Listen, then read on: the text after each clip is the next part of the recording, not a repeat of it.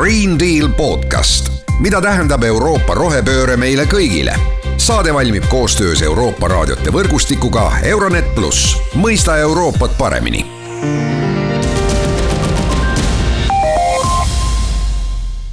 Tere, head Green Deal podcasti kuulajad mina olen saatejuht Mart Valner ja tänases saates äh, räägime natuke põllumajandusest ja räägime ka põllumajanduse tulevikust, räägime mahepõllumajandusest. maailm muutub kiiresti ja koos sellega ka probleemid, millega seisavad silmitsi nii põllumajandustootjad kui ka ühiskond tervikuna kliimamuutus, hinnakõikumised, poliitiline ja majanduslik ebakindlus, maailmakaubanduse tähtsuse suurenemine äh, ja põllumajandustootjad peavad iga päev õppima, kuidas muutuvas keskkonnas toime tulla. Nendest teemadest on võimalik väga pikalt ja erinevalt rääkida, aga läksime ja rääkisime sellest, missugune võiks olla põllumajanduse tulevik Saaremaal Koplimäe talus Koplimäe talu nimelt on väike isemajandav pereettevõte, kus tegeletakse mahepõllumajandusega äh, alates tooraine kasvatamisest kuni valmistoodanguni välja. Äh, Koplimäest sai mahetalu juba üheksa, tuhande üheksasaja üheksakümne üheksandal aastal. mahepõllumajandusliku majandamise kasuks otsustati seetõttu, et oli soov elada oma perega puhtas keskkonnas ja süüa puhast toitu äh, kas see on ka see, kuhu meie põllumajanduse tulevik viib ja äh, miks ja kuidas on Koplimäe talust just selline talu saanud, nagu nad praegu on, rääkisimegi talu peremees Olev Müüriga. see areng hakkas, äh, ütleme kuskil seal äh, tuhat üheksasada üheksakümmend üheksa oli siis, kui me alustasime tegelikult maasikakasvatusega enda jaoks ja sealt ta vähelaaval äh, tuli, kaks tuhat tuli äh, maheorganisatsioon, siis me nii-öelda äh, tunnustasime oma talu ja, ja põllud mahedaks ja, ja siis kaks tuhat seitse me alustasime ka teravilja käitlemisega, siis kui me saime omale esimesed seadmed selle jaoks mm. -hmm. Te olite Eesti ikkagi üks esimesi, kes sihukest mahejahu koha peal äh, tegema hakkas, et, et mille pärast selline otsus või miks, miks, miks olla pioneer asjas, mis äh, võib-olla kaks tuhat seitse tundus äh, natuke utoopiline, kogu see maheteema? no tegelikult meil ei olnud üldse plaanis Eestile seda jahu müüa. asja, asja tingisid asjaolud, et me käisime kohalikus veskis oma ves-, viljaga ja saime sealt omale jahu.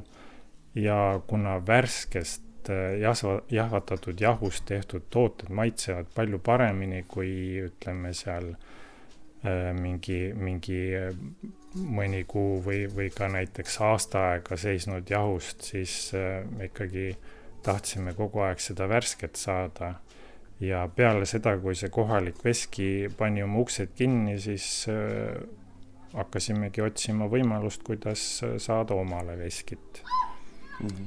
ja, ja siis, kui ütleme, sõbrad-tuttavad said ka maitsta seda, mis sellest värskest jahust kõik saab, siis muidugi tekkis selline suurem huvi ja nõudlus ja, ja kuna sel ajal Eestis äh, mahedat jahu müüdi ainult väljamaist siis äh, selline esimene eestimaine jahu tootmine oli väga nõutud mm. -hmm on see siiamaani väga nõutud või nüüd on juba konkurents nii suur, et äh, ma kujutan ette, et kuidagi ka oluliselt niisugused suurkorporatsioonid äh, aina rohkem ja rohkem üritavad enda kõrvale tekitada sellist mahe või öko või ükskõik missuguse märgisega tootmist, et nii-öelda konkureerida seal äh, klassikalises väiketootjate nišis oma, oma odavama ja massitootega.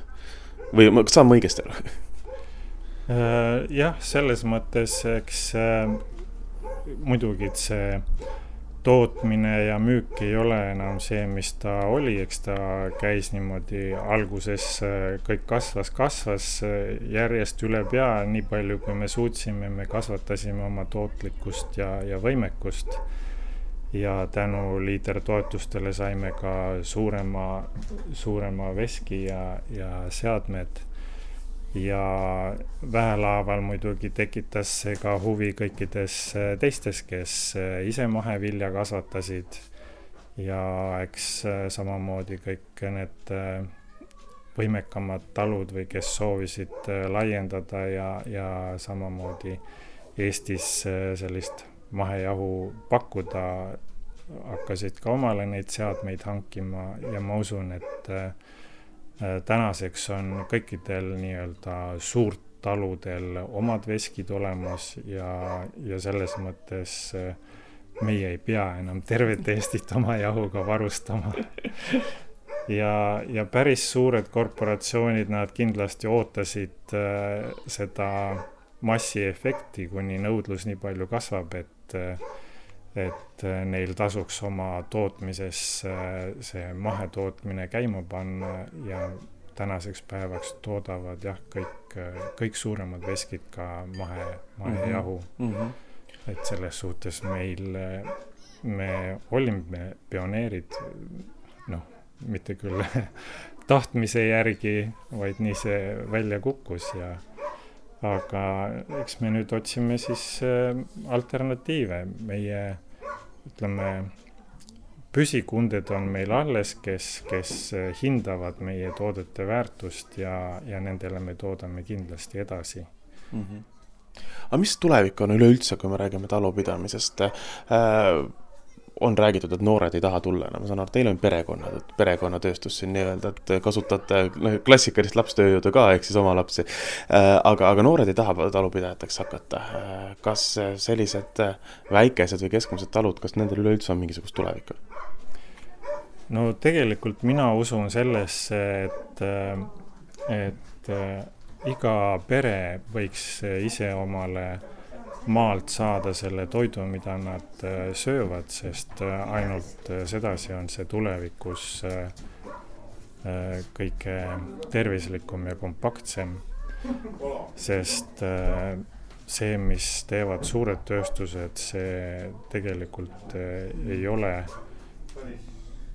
noh, ma ei saa mhm. öelda nüüd selle kohta midagi halvasti, aga, aga see, mida inimene ise kasvatab, ta, sellel on hoopis teine väärtus ja, ja tegelikult on ju, maad on küllaga, see ja noh, ma olen kuulnud, et noorte seas ikkagi see huvi on äh, alles, kes äh, ikkagi juba äh, jõuavad nii kaugele, et neil tulevad lapsed, siis nad ikkagi soovivad minna maale, kus on värskem õhk ja tervislikum.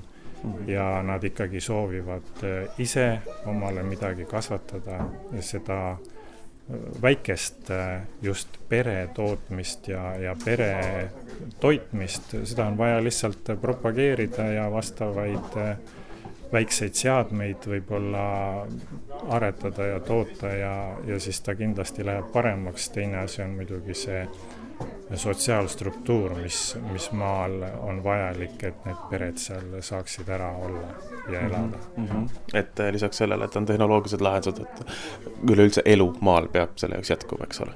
jah.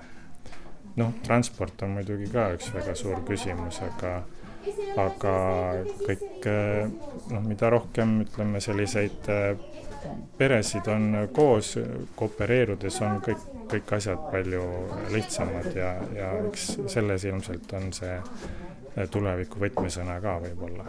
absoluutselt, aga aitäh!